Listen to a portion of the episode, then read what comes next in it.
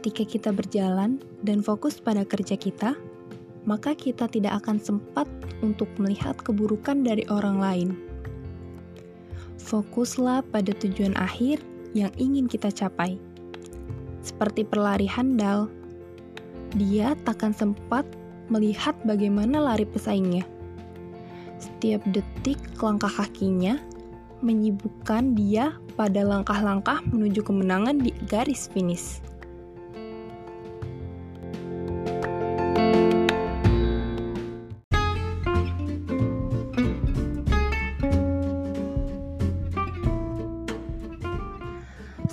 Assalamualaikum warahmatullahi wabarakatuh.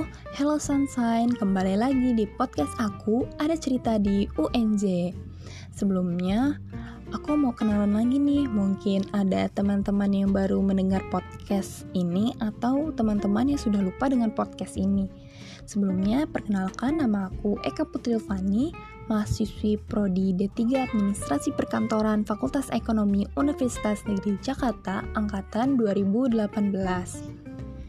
Nah, pada podcast kali ini aku akan menceritakan tentang kisahku waktu awal-awal jadi mahasiswa baru di Fakultas Ekonomi nih. Nah, sebelumnya aku mohon maaf karena di podcast kali ini aku tidak bersama Frista karena kami mempunyai tugas masing-masing yang harus dikerjakan. Tapi semoga teman-teman tetap bisa semangat ya dan mengambil pelajaran dari podcast kali ini.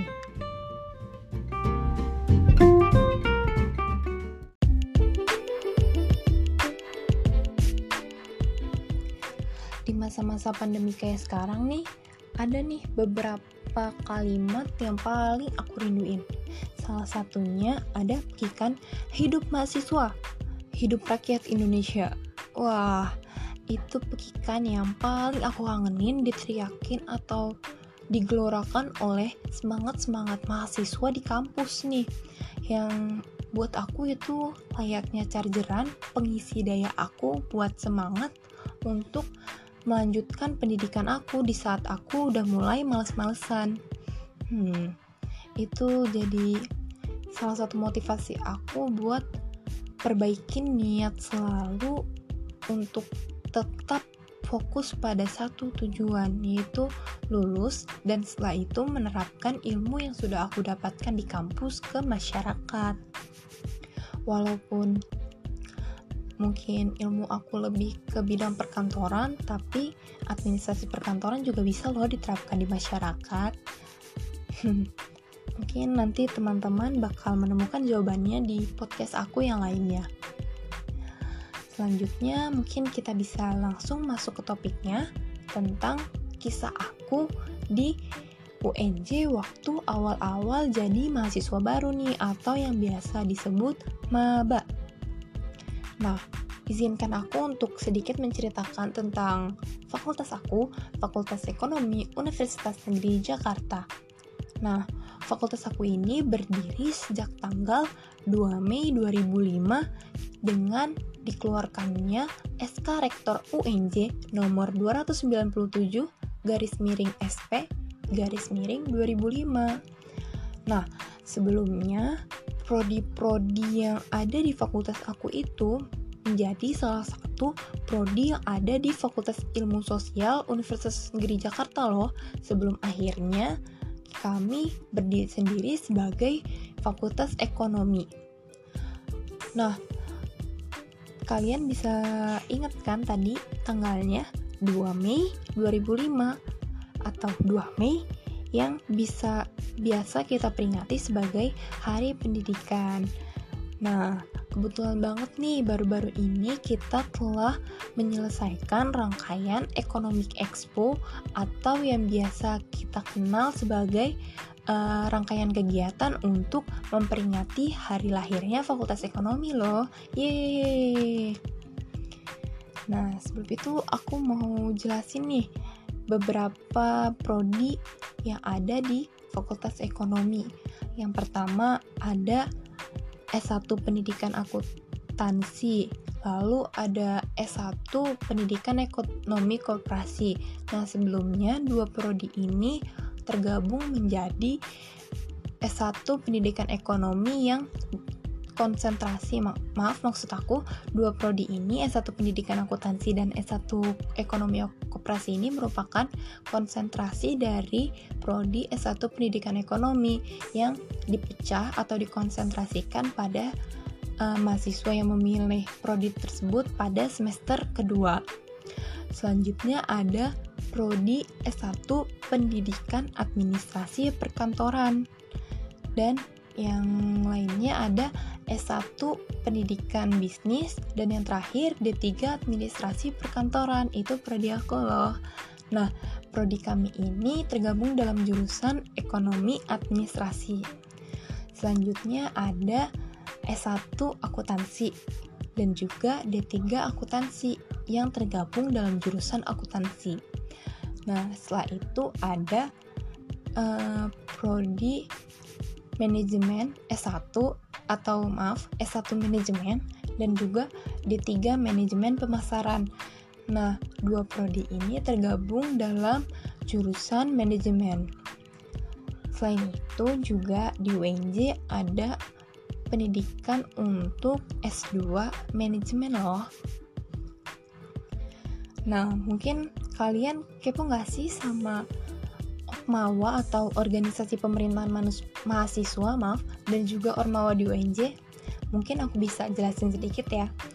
Jadi di UNJ ada Opmawa Opmawanya itu BPM atau Badan Perwakilan Mahasiswa.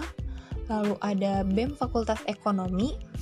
Lalu di bawahnya ada BEM Prodi Ekonomi dan Administrasi BEM Prodi Akuntansi dan Hima Manajemen itu di Opmawa. Nah, selanjutnya di Ormawa. Di Ormawa ini ada yang pertama LPM Econo Channels atau Lembaga Pers Mahasiswa Econo Channel. Jadi Econo Channel ini jadi salah satu tempat kita untuk belajar tentang pers atau jurnalistik di Fakultas Ekonomi loh. Jadi buat teman-teman yang berminat untuk mempelajari tentang dunia pers atau jurnalistik bisa nih nanti ikut Econo Channel. Nah, setelah itu ada Badan Seni Otonom BS atau BSO Al-Iktisodi FEUNJ. Nah, BSO Al-Iktisodi ini merupakan lembaga dakwah fakultas yang ada di Fakultas Ekonomi. Jadi, buat teman-teman yang mau belajar tentang Islam lebih dalam, itu bisa nih masuk ke BSO Kisodi.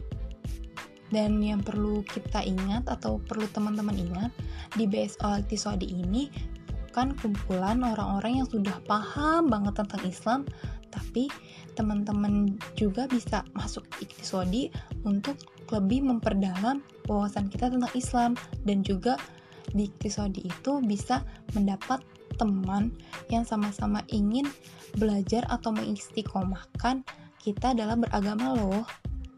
Nah, selanjutnya ada Badan Seni Otonom Kelompok Studi Ekonomi Islam atau yang bisa disingkat sebagai BSOKC. Nah, di KC ini kita bisa belajar tentang ekonomi Islam. Mungkin kalau misalnya aku bisa tiruin jargonnya ya, ini paling aku inget waktu masa-masa Kapita Selekta di PKKMB fakultas yaitu nanti ekonomi ekonomi. Nanti teman-teman yang lainnya atau anggota-anggota kasenya itu bakalan jawab syariah syariah. Masya allah di situ masa-masa ya paling ih keren banget sih. Kayak masuk KC enak. Jadi buat teman-teman yang mau belajar tentang ekonomi Islam cocok banget nih. Ha atau harus banget ikut di BSO KC nah selanjutnya dari uh, beberapa ormawa di FE juga ada underbow underbownya kayak di departemennya Sospol BMF itu terdapat uh, dua underbow yaitu Komdev atau Community Development. Nah, di sini di Komdev ini tentang aksi sosial di mana Komdev ini melakukan pengajaran di salah satu hmm, sekolah atau TK yang ada di binaannya Komdev. Setelah itu juga ada di bagian politiknya itu tim aksi Pandawa FEUNJ. Jadi teman-teman yang mau mengkaji tentang pergerakan mahasiswa itu bisa banget nih join di Pandawa. Nah, setelah itu di base episode Departemen Kaderisasi juga punya underbow namanya Salim atau Sahabat Muslim FEUNJ. Nah, ini beda ya dengan lembaga dakwah kampus LDK Salim.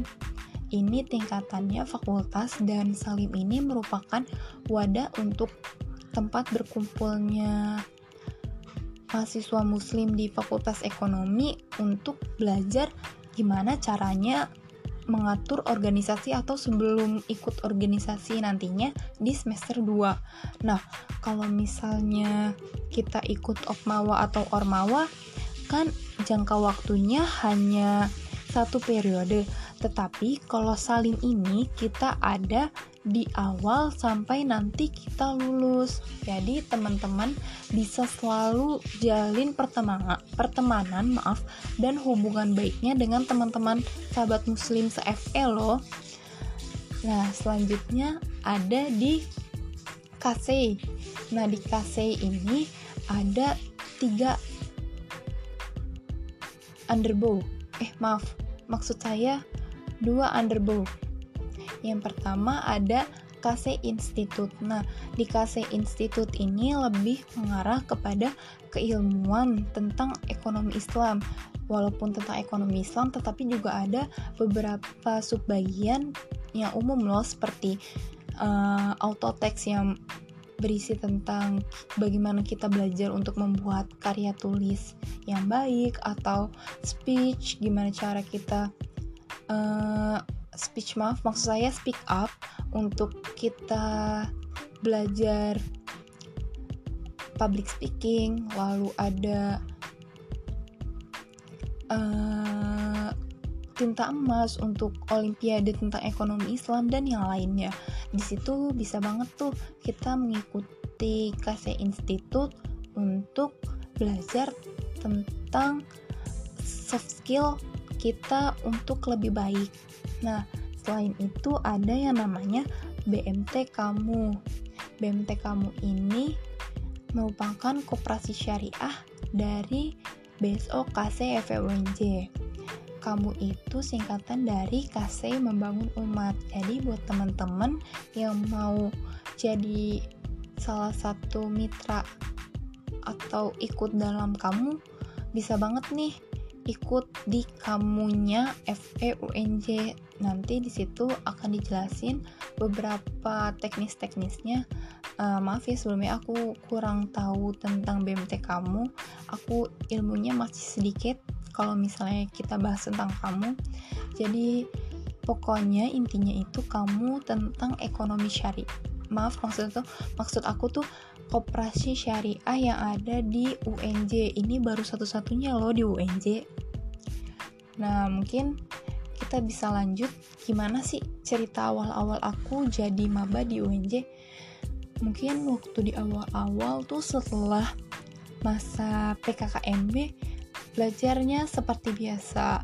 Kenalan tapi yang membedakan waktu itu aku cuma punya teman sekelas satu cowok Nah, mungkin karena dia malu kali ya. Satu cowok di antara 30 mahasiswa cewek yang lainnya, akhirnya dia memutuskan pindah untuk ke kelas sebelah atau kelas A. Jadi di kelas aku itu cewek semua. Nah ini yang membuat aku jadi leluasa gitu. Jadi kayak nggak ada cowok. Ya udah kita tuh mau ngapain aja bebas, gak usah jaga image walaupun jaga image sedikit sih. Tapi nggak terlalu berasa lah ya karena kita nggak terlalu canggung gitu dengan cowok. Nah dari situ awalnya aku setelah itu ikut yang namanya launching Salim FEWJ 2018 jadi setiap tahunnya ini bakalan diadain launching Salim untuk uh, mencari atau menentukan masul atau masulah salim angkatannya. Nah di situ aku ikut dan mulai belajar uh, dari apa ya kajian yang dibikin oleh Besong Tisodi tentang tips and trick kita jadi mahasiswa jadi itu menurut aku di launching salim itu sangat bermanfaat sih soalnya itu jadi salah satu pegangan aku atau bekal sama apa ya belajar di fakultas ekonomi gitu. Jadi di situ dijelasin apa sih sebenarnya tujuan kita jadi mahasiswa. Nah di situ juga dikasih uh, beberapa tips and triknya. Kayak misalnya jadi mahasiswa tuh harus uh, tahu batasan-batasannya. Kayak misalnya kita cuma bisa kerjain tenaga kita segini. Nah kita harus tahu batasan kita itu semana. Jadi uh, kita juga harus pandai mengatur diri kita deh. Kayak dijelasin lagi kita ini gak bisa mengatur waktu tapi bisanya manajemen diri gitu. Gimana cara diri kita mengatur setiap-setiap yang ada pada diri kita. Setelah itu aku sih masih belajar sebenarnya kayak biasa kita SMA atau SMK belajar sama dosen terus tugas-tugas. Tapi menurut aku tugasnya itu masih belum terlalu banyak sih kalau di semester-semester awal itu. Nah selanjutnya aku juga ikut fokus grup discussion sama salah satu kakak-kakak. Nah kakaknya ini lucunya itu adalah merupakan PPL di SMK aku di SMK 46 jadi itu waktu cerita-cerita sama kakaknya itu nyambung. Terus aku cerita tentang sekolah aku atau cerita tentang uh, masalah kampus pun aku bisa ceritakan di situ. Mungkin nanti teman-teman yang bakalan masuk UNJ bisa nih cari kakak-kakak yang baik mau mendengarkan cerita kamu. Nah, untungnya juga itu kakaknya masih sejalan dengan aku. Jadi kakaknya itu merupakan uh, mahasiswi tingkat akhir pada masanya di prodi S1 Pendidikan Administrasi Perkantoran. Jadi dosennya dengan dosen aku itu gak jauh beda bah bahkan sama gitu ya. Jadi kalau ngobrol tuh nyambung aja. Kalau kalian mikir cutting tuh kebanyakan judes, kebanyakan marah-marah. Enggak. Bahkan cutting yang aku kenal itu ramah-ramah, baik-baik. Kalau aku tanya itu selalu jawab. Terus juga kalau bahkan aku butuh bantuan pun itu ada gitu. Kakaknya baik banget pokoknya. Walaupun ada sih beberapa cutting yang galak tapi untungnya aku menemukan cutting galak itu cuma pas masa-masa pengkaderan kayak PKKMB atau PKMP itu pun cuttingnya seperti memakai topeng sebagai KDSP jadi KDSP waktu masa PKKMB itu bakalan beda banget ya sama yang kalian kenal secara personal. Waktu jadi KDSP tuh kakaknya tegas banget kayak misalnya uh, kita senyum dikit aja tuh ditegur kita jalan ketinggalan dikit aja tuh udah langsung disuruh kejar barisannya jangan sampai putus digituin. Pokoknya bener-bener mendidik kita untuk tetap disiplin dan buru-buru kalau misalnya ngerjain sesuatu. Maaf maksud aku mempercepat segala sesuatu yang bisa kita lakukan dengan cepat. Jadi gak pemborosan waktunya itu loh dan juga melatih sikap kedisiplinan kita di situ Nah, waktu itu pernah nih, aku kenal sama kakak-kakak, terus tiba-tiba mendekati PKMP, kakaknya judes banget. Aku bingung kan, kayak misalnya, aku ini ada salah apa sih? Kok kakaknya bete gitu sama aku? Atau kakaknya judes banget sih ngelihatnya sinis gitu. Ternyata setelah ditelusuri beberapa hari kemudian, aku ada briefing PKMP dan pas dilihat di slayernya dia yang ada di tangannya itu ada lakban hitam. Lakban khas dari kakak KDSP uh di situ tuh langsung ya ampun ternyata kakaknya itu udah mulai galak dari sebelum kita mulai PKMP-nya jadi menurut aku ya ampun berasa banget itu pengkaderannya. Nah selain itu aku juga ikut sebenarnya disuruh ikut sih sama kakak kakak penanggung jawab di FGD aku untuk ikut salim. Nah kodarullahnya juga aku uh, salah satu yang terpilih untuk menjadi pengurus di salimnya itu tersendiri. Aku menjadi salah satu staff di divisi kaderisasi.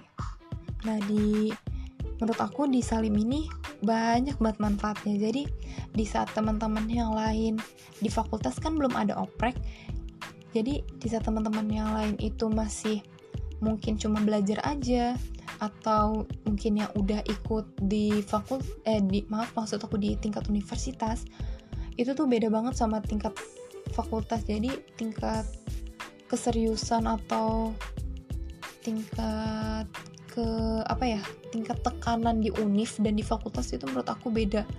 Beda deh pokoknya walaupun aku belum merasakannya langsung karena untuk saat ini aku masih ada di opmawa atau di ormawa fakultas tapi aku bisa apa ya tahu gimana rasanya di univ tuh dari kakak-kakak yang sering cerita sama aku. Jadi eh, masa-masa uh, perkuliahan ini kalian boleh sih deket sama kakak tingkat malahan menurut aku itu perlu banget. Kita perlu banget deket sama kakak tingkat buat nanya-nanya mungkin tentang pelajaran tentang matkul maksud aku atau tentang dosen ataupun tentang dunia perkuliahan itu boleh banget kalian SKSD sama cutting tapi ya masih dalam batas wajar lah ya. Kalau kalian kepo tapi kakaknya menunjukkan feedback yang tidak baik atau dari muka atau ekspresinya itu lagi kelihatan unmood mendingan kalian diamin aja atau nggak jadi nanya. Mungkin uh, kalian bisa nyari cutting yang lain untuk ditanya-tanya. Tapi selama ini ya seperti yang tadi aku jelasin atau aku ceritakan kalau misalnya cutting di WNJ yang aku temuin itu baik-baik banget. Belum ada aku nemuin cutting yang galak. Jadi buat kalian mahasiswa baru FEWNJ angkatan 2019 eh maaf maksud aku angkatan 2020 bisa banget nih kalian deket sama kakak-kakak tingkat kalian. Jangan pernah ragu tapi kalian harus tetap ingat batasan-batasan sebagai adik tingkat ya. Jadi tetap dijaga walaupun kita udah deket banget masih harus kita hatamkan gitu masih kita terapkan uh, adabnya atau sopan santun kita terhadap kakak, tingkat. Nah, dalam uh, di salim ini juga uh, terdapat beberapa kajian yang aku yang aku ikutin. Kayak misalnya sebenarnya ini kita kajian itu dari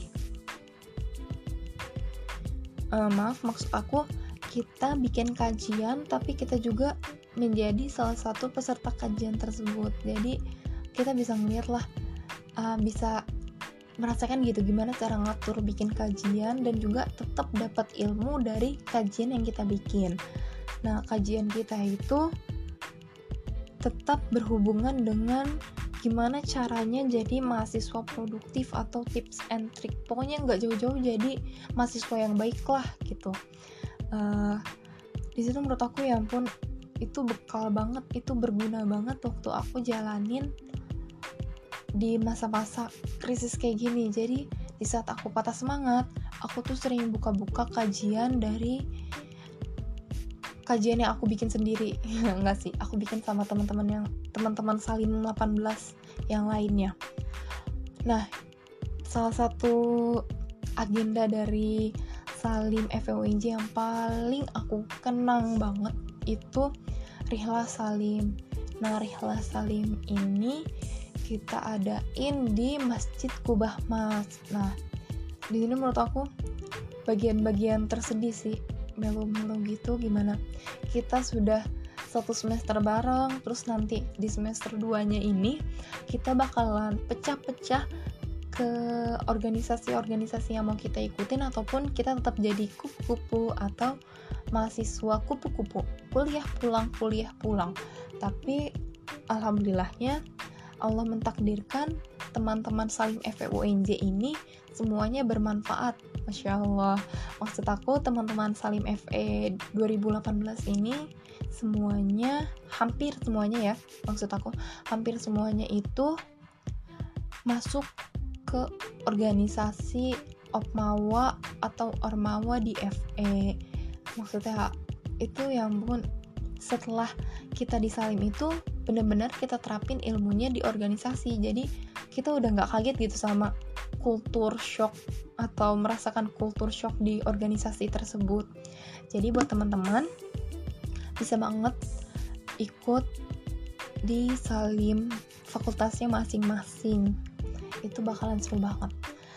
Nah di Rihla Salim ini kita juga dapat hmm, apa ya sebuah uh, ilmu baru dari kakak tingkat kami yang sudah lulus.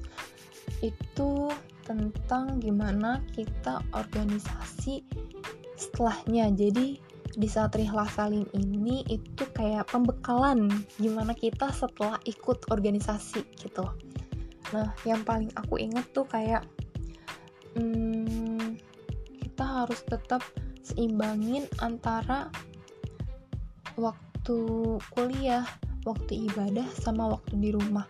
Jadi jangan sampai kita nih udah ikut organisasi itu keren dan menebar kebaikan di kampus. Itu banyak. Tapi malah di rumah kita lupakan itu jangan sampai kayak gitu. Jadi walaupun kita aktif di kampus tetap kita inget pulang inget rumah. Karena um, kita sampai berada di titik ini juga pasti berkat orang-orang yang mendoakan di rumah kita gitu. Nah, di sini juga mungkin kalau di FE ya, awal kuliah itu pemikirannya hanya kuliah belajar 4 tahun lulus nyari kerja. Tapi setelah ikut agenda pengkaderan atau pembentukan karakter mahasiswa dan pembentukan atau penambahan soft skill ya maksud saya, maaf. Itu mindset kita harusnya berubah. Kayak misalnya di agenda pekadaran selama satu semester itu namanya magnet atau mahasiswa generasi terbaik. Jadi buat teman-teman mahasiswa baru FE angkatan 2020 semangat menjalani magnetnya. Kalian jangan pernah menganggap magnet ini sebagai beban karena yang aku rasain selama mengikuti magnet ini itu bermanfaat banget deh pokoknya. Magnetnya itu bener-bener uh, representatif dari tiap-tiap opmawa atau ormawa yang ada di FEWNJ. Jadi walaupun kita belum masuk ke organisasinya, kita bisa belajar sebelumnya di uh, agenda magnet tersebut. Nah, di sini juga kita uh, maaf maksud aku, aku dapat uh, salah satu tips bagaimana caranya biar kita jadi mahasiswa produktif. Yang pertama itu niat, ikhlas, lalu berkumpul dengan orang-orang yang soleh gitu. Maksud soleh di sini ya taat beragama.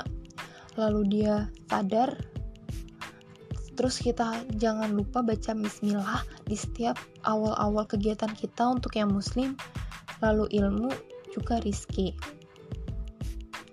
Setelah itu kita juga harusnya sebagai mahasiswa merancang kehidupan kita untuk masa depan kita. Jadi yang kita pikirin gak cuma kuliah 4 tahun kelar nggak nggak gitu doang maksud aku.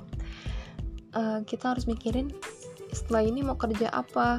Walaupun kita ikut organisasi ini kita ikut uh, agenda ini apa sih uh, apa yang bakal kita dapetin dari ikut uh, agenda tersebut. Kayak misalnya kita ikut magnet mungkin dalam masa-masa kuliah itu nggak berasa ya atau kurang penerapannya. Tapi nanti kalau misalnya kita sudah lulus kerja itu bakalan bisa diterapin. Atau bahkan di saat kita masa-masa kuliah pun itu bisa diterapin loh hasil dari magnetnya. Kalau misalnya kita ikut dengan serius terus juga kita harus bisa menanamkan be good is good. Emang kita bisa bandel tapi kalau misalnya kita bisa baik kenapa kita harus bandel gitu kalau kata kakaknya? Itu biar ya sebagai reminder aja sih. Terus juga kita diingetin kalau misalnya kita itu harus totalitas dalam mengerjakan sesuatu. Jadi jangan sampai setengah-setengah gitu. Semangat kita dalam mengerjakan sesuatu. Harus full ekstra semangat yang kita keluarkan untuk mengerjakan sesuatu. Entah mungkin mengerjakan tugas atau mendapatkan amanah di organisasi itu kita harus selesaikan dengan totalitas dengan sebaik-baiknya usaha kita gitu. Setelah itu jangan lupakan adab kita ketika menimba ilmu. Ini benar-benar paling menampar sih ya buat aku. Kalau misalnya kita kuliah tuh kadang-kadang masih suka telat atau masih menyepelekan dosen di saat ada dosen kita main HP itu bisa jadi salah satu penghambat ilmu itu masuk ke otak kita. Jadi kalau misalnya kita mau belajar itu diusahain dulu kita paham adab-adab dalam menimba ilmu terus kita terapin. Jadinya ilmu itu bakalan gampang gitu nyerapnya. Aku juga sudah mencoba ini semenjak dari semester 2 setelah mendapatkan apa ya wejangan-wejangan dari kakak-kakak. Dan itu alhamdulillah ya efeknya besar gitu buat aku.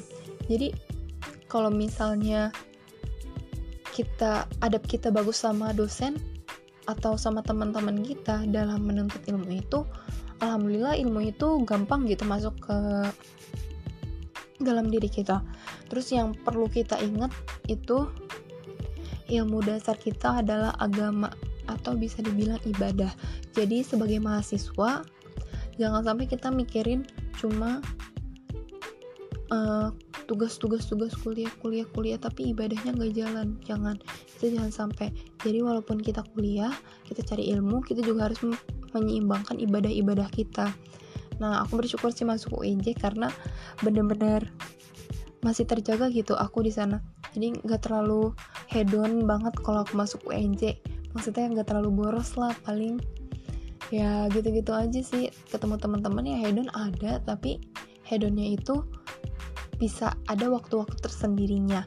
Masih diingetin sama kakak-kakak itu 10 budaya muslim UNJ yang bakalan dikenalin waktu awal-awal masuk kampus di situ di kelompok FGD-nya bakalan dijelasin tentang budaya-budaya kampus, budaya organisasi dan yang paling uh, mengingat banget sih itu 10 budaya muslim UNJ sih kalau menurut aku. Jadi UNJ itu keren banget punya 10 budaya muslim yang paling-paling aku kagetin gitu ya. Ada uh, tiga nih tiga yang paling aku kagetin itu ada gemar gerakan mari berinfak terus ada SPD tiap pagi duha dan SAW atau sholat awal waktu. Nah di sini bener-bener paling sering diingetin sama kakak-kakak. Nah selain itu juga ada nih yang paling sering banget kita mungkin lupain. Tapi sebenarnya itu penting yaitu tibas tilawah pada sholat nah itu bener-bener kalau misalnya selesai sholat tuh diingetin ayo deh tibas dulu. Ya ampun itu ada banget kelihatannya. Nah spot paling enak buat tibas itu emang sih selasar meni. Selasar meni itu bisa digunain jadi tempat ngerjain tugas tempat ngadem tempat nunggu jam mata kuliah tempat uh, kita diskusi di FGD pokoknya segala sesuatu yang aku lakukan tuh kayak setelah kelas itu kebanyakan di Selasar Meni. Itu tempat yang paling strategis dan aman menurut aku. Seru banget sih waktu awal-awal kuliah. Pokoknya awal-awal masa kuliah aku itu dihabiskan di salim dan uh, pendekatan dengan kating-kating. Walaupun aku belum deket atau bahkan aku belum kenal sama kating-kating D3 administrasi perkantoran tapi aku kenal atau dekat dengan kating-kating dari prodi lain yang membuat apa ya aku belajar gitu ilmu baru dari mereka. Beliau maksud aku maaf. Kakak-kakaknya welcome banget. Jadi kalau misalnya mau belajar mungkin bisa cari ke cutting yang dari prodi lain dari prodi kamu. Prodi lain dari prodi kamu. Yang lain prodi dari kamu. Maaf ya ampun sampai kebelit-belit. Jadi kita bisa dapetin pengalaman baru ilmu baru atau cerita-cerita baru gitu dari mereka. Dan kita dengan mereka pun layaknya menyambung tali silaturahmi gitu ya. Kita bisa memangkas umur kita maksudnya memangkas umur kita kita bisa tahu cerita terdahulu dari kakak-kakak yang telah mendahulukan kita untuk mengerjakan hal-hal yang kita lakukan itu gitu. Jadi teman-teman jangan sampai memutuskan tali silaturahim ya. Hmm gitu. Nah mungkin sekian dari podcast aku kali ini semoga bermanfaat dan juga Selamat datang mahasiswa baru Fakultas Ekonomi Universitas Jakarta jalur SNMPTN angkatan 2020. Selamat datang di Kampus Pergerakan Intelektual dan Kampus Generasi Qurani. Sekian podcast dari aku. Assalamualaikum warahmatullahi wabarakatuh.